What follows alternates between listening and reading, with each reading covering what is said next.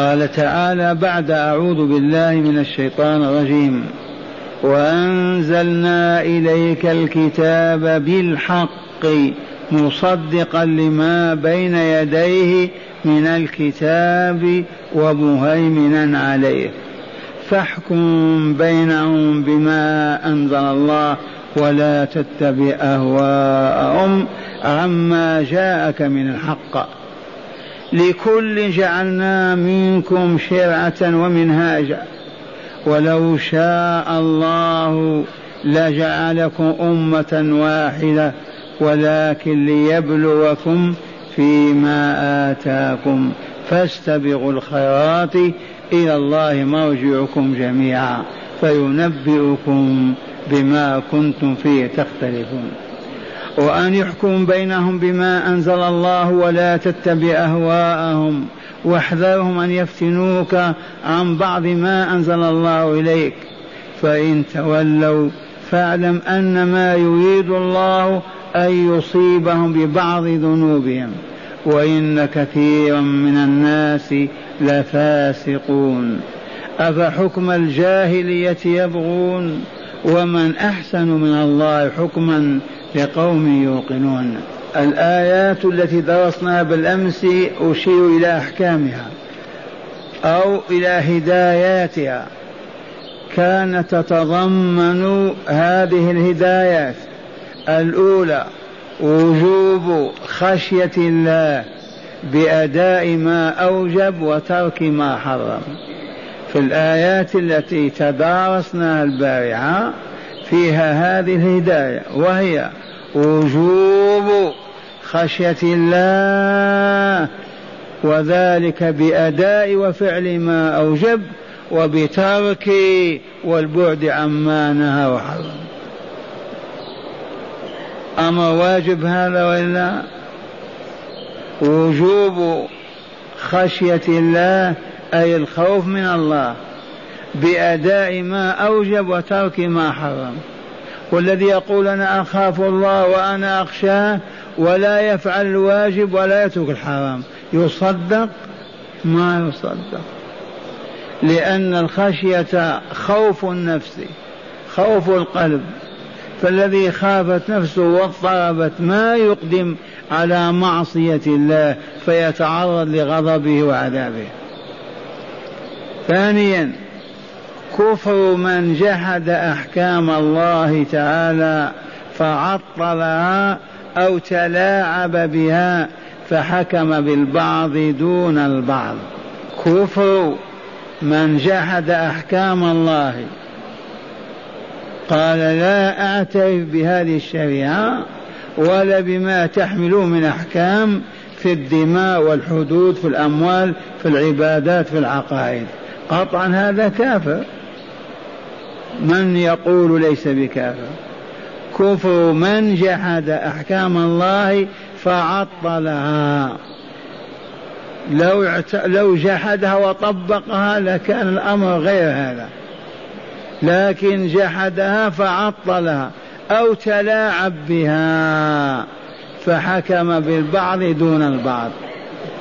فهذا كافر. ثالثا وجوب القود في النفس والقصاص في الجراحات. وجوب القود في النفس والقود والنفس بالنفس. والقصاص في الجراحات لأن ما ك... ما كتب على بني إسرائيل كتب على هذه الأمة. وكتبنا عليهم فيها أن النفس بالنفس والعين بالعين والأنف بالأنف والأذن بالأذن والسن بالسن والجروح قصاص. فمن تصدق به فهو كفارة له ومن لم يحكم بما أنزل الله فأولئك هم الظالمون. هنا لا بأس أن نعلم بعض الشيء. فانتبهوا. أولا الذي عليه أكثر أئمة الإسلام وهداته رحمهم الله أن المسلم لا يقتل بالذم. المسلم لا يقتل بالذم الكتاب اليهودي أو النصراني أو المجوسي. فكلمة النفس بالنفس هذا اللفظ عام. قيده رسول الله صلى الله عليه وسلم بما أوحى الله إليه إذ قال لا يقتل مسلم بكافر. لا يقتل مسلم بكافر. وأهل الحلقة عرفوا سر ذلك من قديم. ما هو هذا السر؟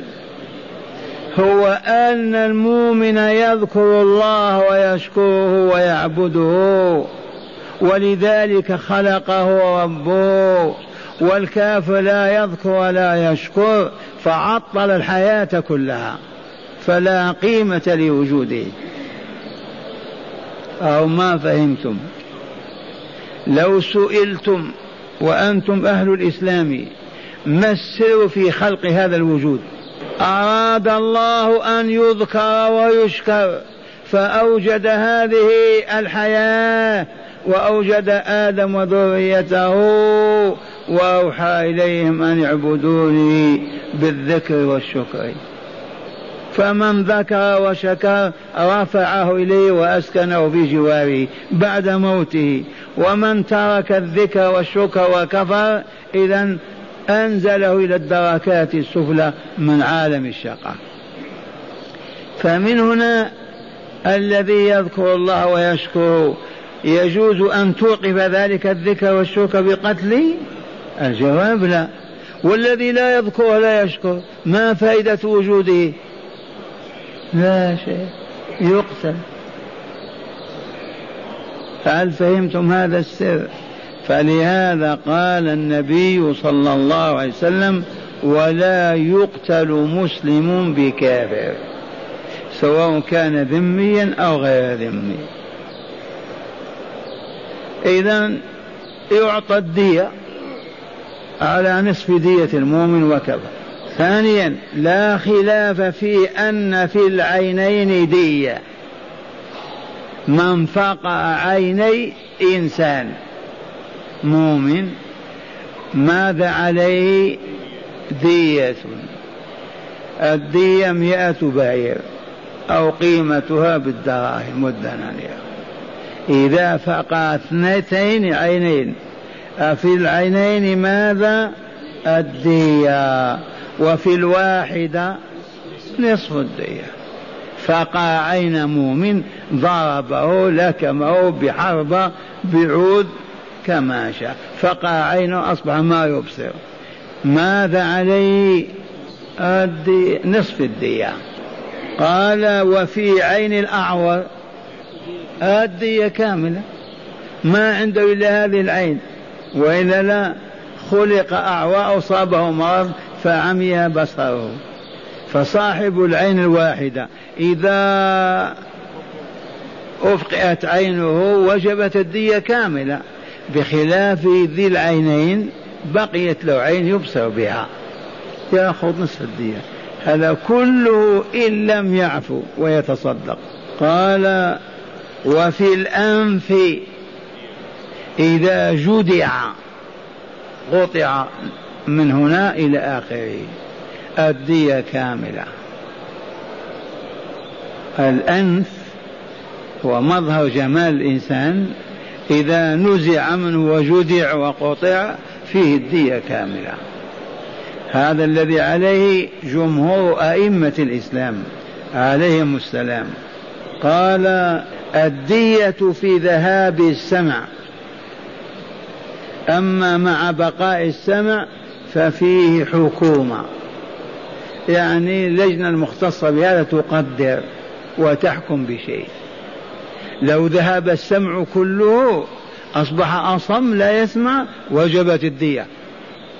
لكن إذا كان بقي له السمع وأوذي في سمعه في سمعه ففيه الحكومة. القاضي والرجال يحكمون بما يجب له. في السن الذي نزع سنه أو كسر في خمس من الإبل. السن بخمس من الإبل. كسر سنته قلعها في خمسة من الإبل للحديث الصحيح في ذلك. قال وفي الشفتين نزع شفته العليا والسفلى وتركه بأسنانه. ماذا في الشفتين؟ الدية. وفي الواحدة نصف الدية. في الشفتين معا الدية كاملة مئة بعير أو قيمتها.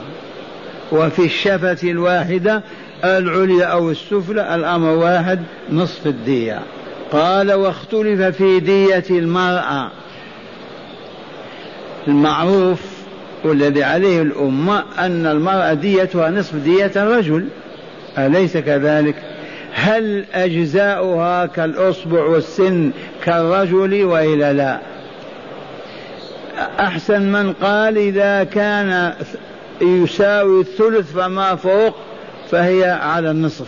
وإذا كان دون الثلث من دية الرجل فهي كحكم ما مثل ما يحكم على النصف مثلا. هذا كله مأخوذ من قول ربنا عز وجل وكتبنا عليهم فيها أي في التوراة المنزل على موسى عليه السلام أن النفس بالنفس والعين بالعين والأنف بالأنف والأذن بالأذن والسن بالسن والجروح قصاص في الموضحة وفي أنواع الجروح. الأطباء يقدرون ذلك والقاضي يحكم. ثم قال تعالى فمن تصدق بدمه لوجه الله فهو كفارة جرحتني قطعت مني سني كذا تركت ذلك لله. قتلت وأبي تنازلت. فمن تصدق به فهو كفارة له. كفارة لذنوبه. وبالأمس ذكرت لكم أن القصاص كفارة. من قتل قتل. هل يبقى عليه إثم؟ وقد قتل. القصاص كفارة لأصحابه. قطع يدا قطعت يده. بقي عليه شيء انتهى. لكن يحصل على الأجر إذا تقدمه للمحكمة وقال أقيموا علي الحد فإني تبت. أنا قتلت فلان والآن أطلب منكم القصاص. هذه أعظم من ذلك. بعد هذا نعود إلى آياتنا المباركات الليلة. فلنستمع إليها من الشرح. قال معنى الآيات لما ذكر تعالى إنزاله التوراة وأن فيها الهدى والنور وذكر الإنجيل وأنه أيضا فيه الهدى والنور ناسب ذكر القرآن الكريم. فقال إنا أنزلنا وأنزلنا إليك الكتاب أي القرآن. في الآيات السابقة فيها ذكر التوراة والإنجيل وإلا لا. إذا والآن ذكر القرآن. قال تعالى وقول الحق وأنزلنا إليك يا رسولنا محمد صلى الله عليه وسلم الكتاب الكتاب الفخم العظيم ألا وهو القرآن. الكتاب.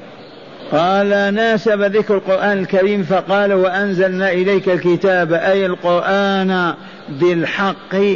كيف أنزل القرآن بالحق؟ أي متلبس به. لا يفارق الحق أبدا.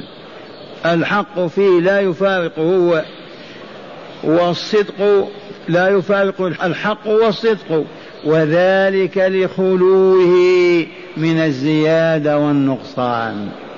أما التوراة أما الإنجيل فقد زادوا فيها ونقصوا منها ما لا يعرف. لأن الله ما تولى حفظهما. أسند حفظهما إلى من؟ إلى الربانيين والأحبار بما استحفظوا من كتاب. أما القرآن من تولى حفظه؟ هو.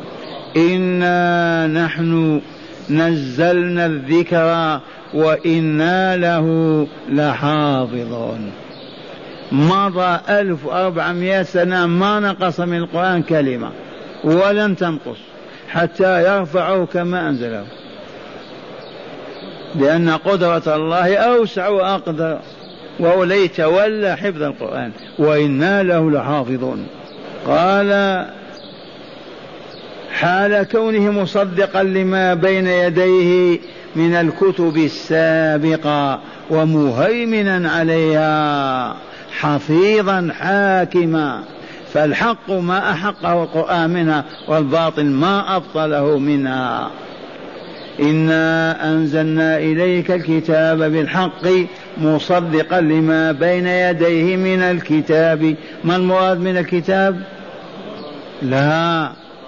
آل هنا للجنس أي من الكتب. كلفظ الإنسان يدخل فيه كل رجل ومرأة مصدقا لما بين يديه من الكتب. لكن هذه العبارة ما ما تتناسب مع القرآن. مصدقا لما بين يديه من الكتاب جنس الكتاب. نحن عرفنا أربع كتب ولكن غير الصحف أكثر من ستين صحيفة. قال فاحكم يا رسولنا بين اليهود والمتحاكمين إليك. إنا أنزلنا إلى الكتاب بالحق ولا لا؟ لتحكم بين الناس وأنزلنا إليك الكتاب بالحق مصدقا لما بين يديه من الكتاب ومهيمنا عليه مهيمن على الكتب الأخرى مسيطر عليها فوقها يعلوها يبين الحق فيها ويبين الباطل. ما أقره القرآن في التوراة والإنجيل فهو حق وما نفاه وأبطله فهو باطل. لهيمنته على تلك الكتب ومهيمن عليها. على الكتب. إذا فاحكم يا رسولنا بين اليهود والمتحاكمين إليك. هل هذا الأمر للوجوب أو مقيد بقيد؟ مقيد بقيد إن شئت تقدم ولا إن شئت فاحكم بينهم وإن رأيت ألا تحكم عليه لا تحكم حتى يسلموا قلوبهم ووجوههم لله ويدخلوا في رحمة الله.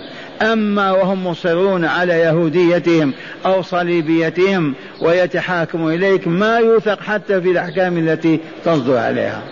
على كل حال أحكم بينهم بالحق ولا تتبع أهواءهم. إليكم هذه الحادثة بالذات تفسر لكم هذه القضية. قال روي أو روى ابن إسحاق عن ابن عباس رضي الله عنهما أن قوما من الأحبار علماء اليهود. أن قوم من الأحبار اجتمعوا منهم ابن صوريا الأعور العفريت الحبر. وابن صوريا الأعور وكعب وشاس هؤلاء من كبار علماء اليهود بالمدينة. وقالوا اذهبوا بنا إلى محمد لعلنا نفتنه عن دينه. هؤلاء العلماء الثلاثة اجتمعوا في بيت أحدهم هنا في المدينة وقالوا هيا بنا نذهب إلى محمد علنا نفتنه عن دينه. هذا مكر وإلا لا؟ قال فإنما هو بشر.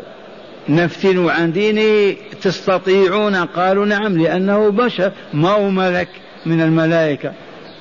والبشر من السهول أن تغير نظريته أو تحمل على خطأ. قالوا فإنه بشر. فقا فأتوه وقالوا له قد عرفت يا محمد أنا أحبار اليهود قد عرفت يا محمد أننا أحبار اليهود أي علماء اليهود. وإن اتبعناك لم يخالفنا أحد. إذا نحن آمنا بك واتبعناك كل اليهود يؤمنون بك ويتبعونك كلام معقول وإن كان مسموما. قد عرفت يا محمد أنا أحبار اليهود وأن وإن اتبعناك لم يخالفنا أحدا أحد من اليهود. وإن بيننا وبين قوم خصوما. فنحاكمهم إليك فاقض لنا عليهم. بيننا وبين قوم منا خصومة. نأتيك نتحاكم إليك فاحكم لنا. فإذا حكمت لنا آمنا بك واتبعناك. هذا يسمى الاستدراج للهاوية. كيف يوقعونه في الخطأ. لكن الله مولاه لا يتركه لا يضيعه. سبحانه لا إله إلا هو. قال وقال ومن قومنا خصوما وإن بيننا وبين قوم خصوما فنحاكمهم إليك فاقض لنا عليهم حتى نؤمن بك. فأبى رسول الله صلى الله عليه وسلم أن يحكم ونزلت هذه الآية الكريمة. وأن يحكم بينهم بما أنزل الله ولا تتبع أهواءهم واحذرهم أن يفتنوك عن بعض ما أنزل الله إليك. إذا تجلت ولاية الله لرسول ولا لا؟ ما يتركه يقع في خطأ. وهكذا أيضا كل الصادقين في إيمانهم الصالحين في سلوك أعمالهم يحميهم الله عز وجل. يتعرضون للمحنة والفتنة ولكن الله يحميهم. أليس وليهم؟ ومن كان الله وليه كيف يخاف؟ أولياء الله لا خوف عليهم ولا هم يحزنون. قال فاحكم يا رسولنا بين اليهود والمتحاكمين إليك بما أنزل الله إليك بقتل القاتل ورجم الزاني كما لا كما يريد اليهود ولا تتبع أهواءهم في ذلك. وتترك ما جاءك من الحق. واعلم أنا جعلنا لكل أمة شرعة ومنهاجا أي شرعا وسبيلا خاصا يسلكونه في إسعادهم وإكمالهم. ولو شاء الله لجعلكم أمة واحدة. لو أراد الله أن يجعل البشرية أمة واحدة أيعجزه ذلك؟ قلوبها بيده. لكن ما السر في الشرائع وتعددها؟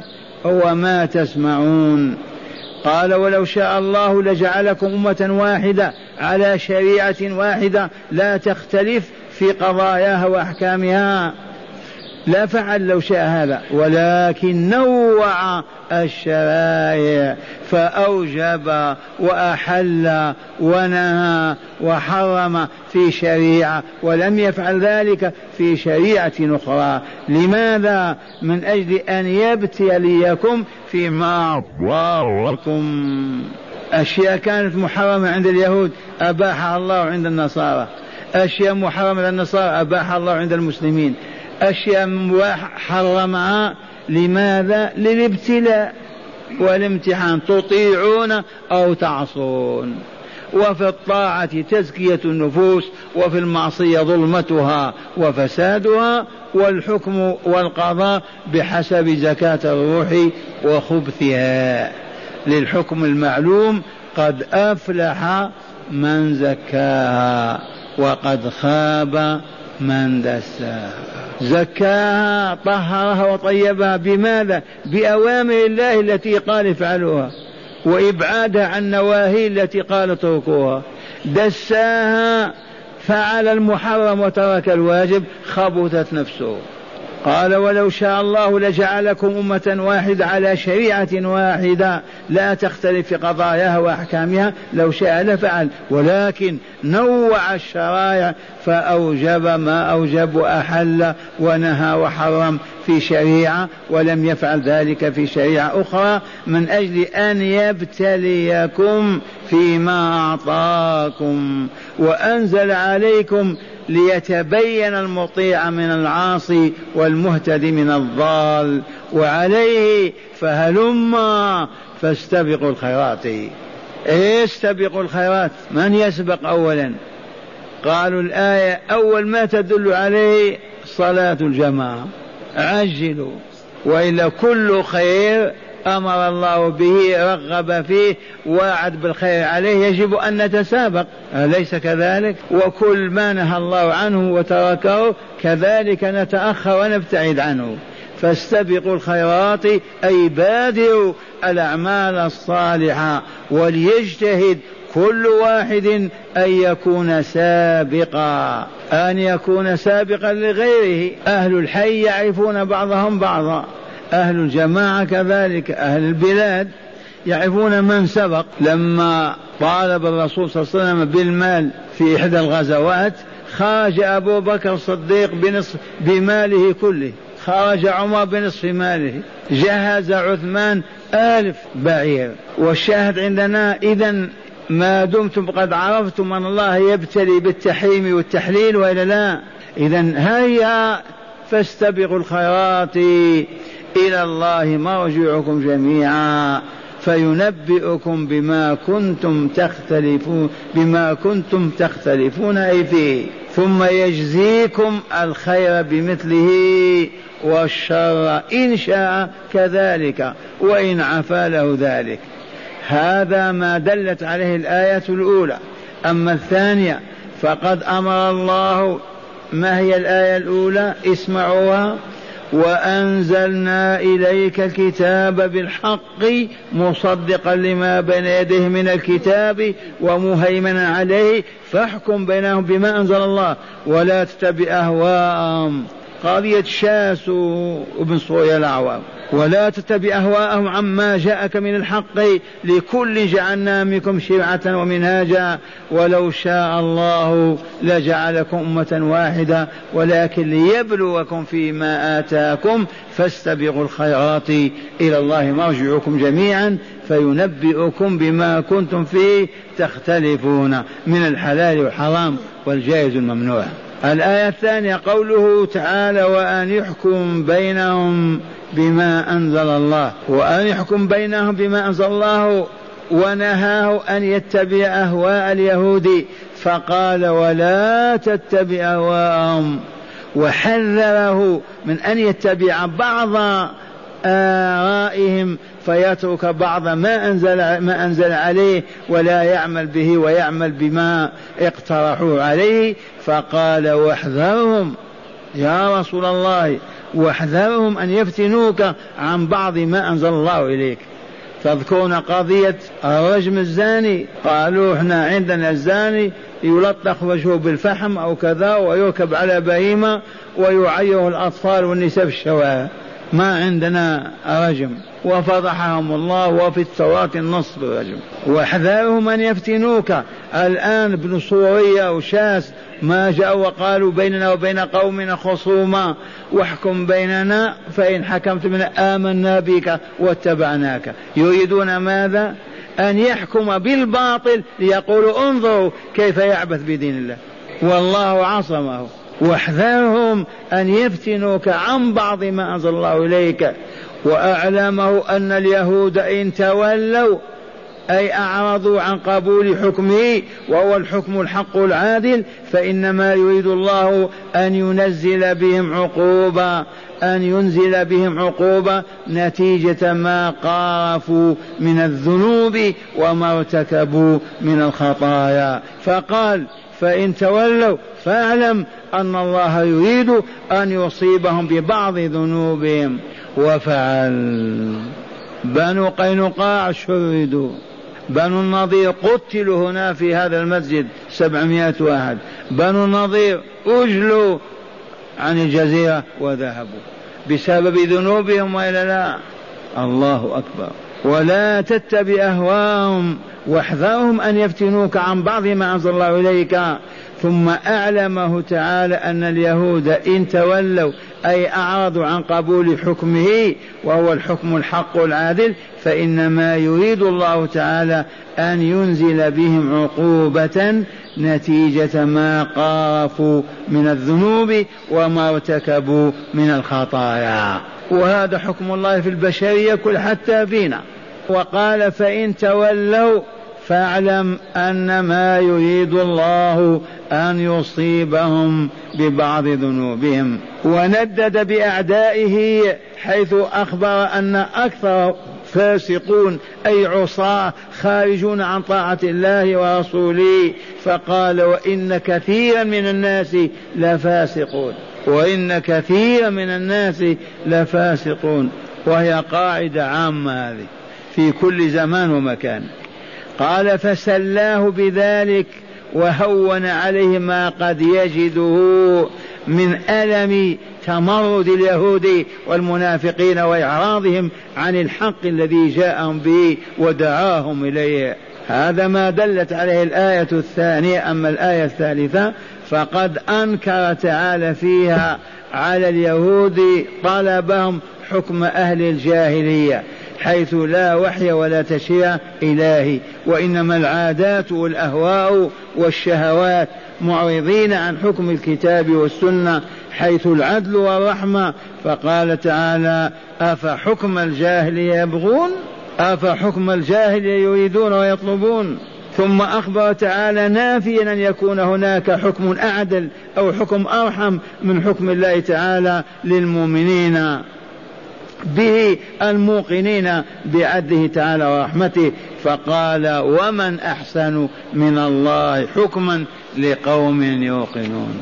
يوجد ومن أحسن من الله حكما لقوم يوقنون؟ مؤمنون صادقون في إيمانهم موقنون. مرة ثانية قال تعالى وأنزلنا إليك الكتاب بالحق مصدقا لما بين يديه من الكتاب ومهيمنا عليه. إذا فاحكم بينهم بما أنزل الله ولا تتبع أهواءهم عما جاءك من الحق. لكل جعلنا منكم شرعة ومنهاجا ولو شاء الله لجعلكم أمة واحدة ولكن ليبلوكم فيما آتاكم. فاستبقوا الخيرات. إلى الله مرجعكم جميعا فينبئكم بما كنتم تعملون بما كنتم فيه تختلفون. وأن يحكم بينهم بما أنزل الله ولا تتبع أهواءهم واحذرهم أن يفتنوك عن بعض ما أنزل الله إليك. فإن تولوا فاعلم أن ما يريد الله أن يصيبهم ببعض ذنوبهم وإن كثيرا من الناس لفاسقون. أفحكم الجاهلية يبغون؟ ومن أحسن من الله حكما لقوم يوقنون. تذكرون ما قلت البارحة لكم؟ قلت لإخواننا المسلمين الذين يعيشون في الديار التي لا تحكم شريعة الله في بلاد العرب المسلمين أو في بلاد أوروبا وغيرها. الطريق الذي يجب أن يسلكوه أن يجتمعوا في بيوت ربهم للصلاة وتلقي الكتاب والحكمة وإذا حصل خلاف بين اثنين إمام المسجد أو المربي يتولى حل ذلك الخلاف. ولا نتحاكم عند المحاكم التي لا تحكم بشرع الله. هل فيه صعوبة هذا ولا لا؟ إذا كنا مؤمنين حقا وصدقا نجتمع كل ليلة بين المغرب والعشاء حيث نترك العمل الدنيوي مع غروب الشمس ونتلقى الكتاب والحكمة. أهل ذلك البلد أهل ذلك الحي أهل تلك القرية ما هي إلا أقل من سنة وهم كلهم أولياء الله صالحون. وحينئذ إن حصل نزاع بين اثنين يحكمون كتاب الله. إمام المسجد اللجنة الخاصة بالمسجد الإمام المربي المعلم يصلحون بين المختلفين ويخرجون في رضا ونفوس مطمئنة. وما تحاكموا إلى محكمة كافرة. هذا صعب هذا. والله أسهل من التحاكم إلى المحاكم الباطلة. لكن فقط ما هو من الآن لا بد وأن نسلم قلوبنا ووجوهنا لله. لا بد وأن نجتمع في بيوت ربنا كل ليلة طول العام. اجتماعا هذا نبكي بين يديه نستمطر رحماته نطلب فضله وإحسانه نتعلم هداه والطريق إليه. ومن ثم تتهذب أخلاقنا تسمو آدابنا ترتفع شهواتنا تنتهي أباطيلنا. نقبل على الله عز وجل. إن حصل خلاف بين اثنين مثلا في ذلك الحي أو تلك القرية إمام المسجد والمربي يحلون المشكلة. ولا نتحاكم عند اليهود ولا النصارى. كيف نصل إلى هذه؟ قلنا على العلماء. أن يعلموا المسلمين في الشرق والغرب لا خلاص ولا نجاة إلا بالعودة إلى بيوت الله ليتلقوا الكتاب والحكمة كما لقنها رسول الله. ويومها يخف هذا البلاء وتنتهي هذه الإحن والمحن. هذه الآيات الثلاث اسمعوا هدايتها. أو ما فيها هداية. وأنزلناه هدى قال من هداية الآيات أولا وجوب الحكم وفي كل القضايا بالكتاب والسنة. وجوب الحكم وفي كل القضايا حتى في سرقة مكنسة. ما هناك شيء لا يوجد في الكتاب والسنة. يجب الحكم في كل القضايا. بماذا؟ بقانون فرنسا إيطاليا الأمم المتحدة. قولوا بالكتاب والسنة. قال الله قال رسوله صلى الله عليه وسلم هل يضيق القرآن والسنة عن أحداث الناس؟ والله ما يضيق. منين عرفنا هذا؟ قلنا وجوب وأن يحكم بينهم بما أنزل الله. هذا أمر الله للرسول وإلا لا. ثانيا لا يجوز تحكيم أية شريعة أو قانون غير الوحي الإلهي الكتاب والسنة. يا شيخ لماذا؟ لأن القوانين أهلها جهال عميان لا بصير لهم لا عدل فيها ولا رحمة. هذا من جهة ومن جهة نحن عبيد الله وإلا لا؟ فرض علينا وألزمنا أن نتقاضى ونتحاكم إليه. نقول لا كفرنا به وأعلنا الحرب عليه. أو تتصورون أن هيئة من الهيئات العليا في العالم تستطيع أن توجد حكما رحما عادلا أكثر من أحكام الله؟ والله ما كان. ولن يكون أبدا. لا يجوز تحكيم أية شريعة أو أي قانون غير الوحي الإلهي الكتاب والسنة. ثالثا التحذير من اتباع أهواء الناس خشية الإضلال عن الحق. الذي يتبع أهواء الناس وميولهم ما يريدون والله يضلونه. الرسول حذره الله ولا؟ ما تأمر قالوا هيا نقول له نحن علماء وإذا آمنا بك اتبعك ناس وآمنوا ونأتيك بقضاء يحكم بيننا بالباطل. لو اتبعهم ماذا يحصل؟ لكن الله حذروا واحذرهم أن يفتنوك. التحذير من اتباع أهواء الناس خشية الإضلال عن الحق. رابعا بيان الحكمة من اختلاف الشرائع وهو الابتلاء.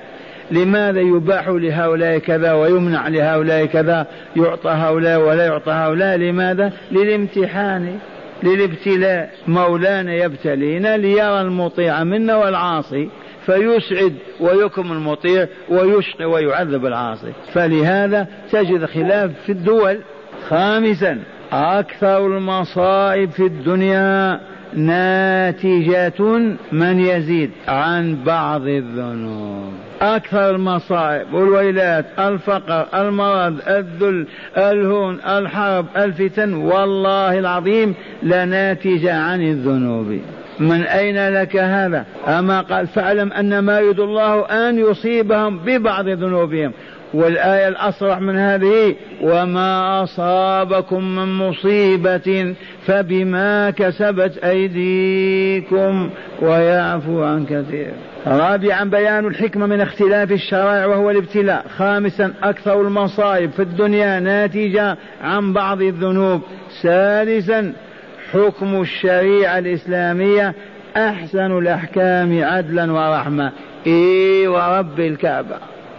إي والله. حكم الشريعة الإسلامية أحسن الأحكام عدلا ورحمة.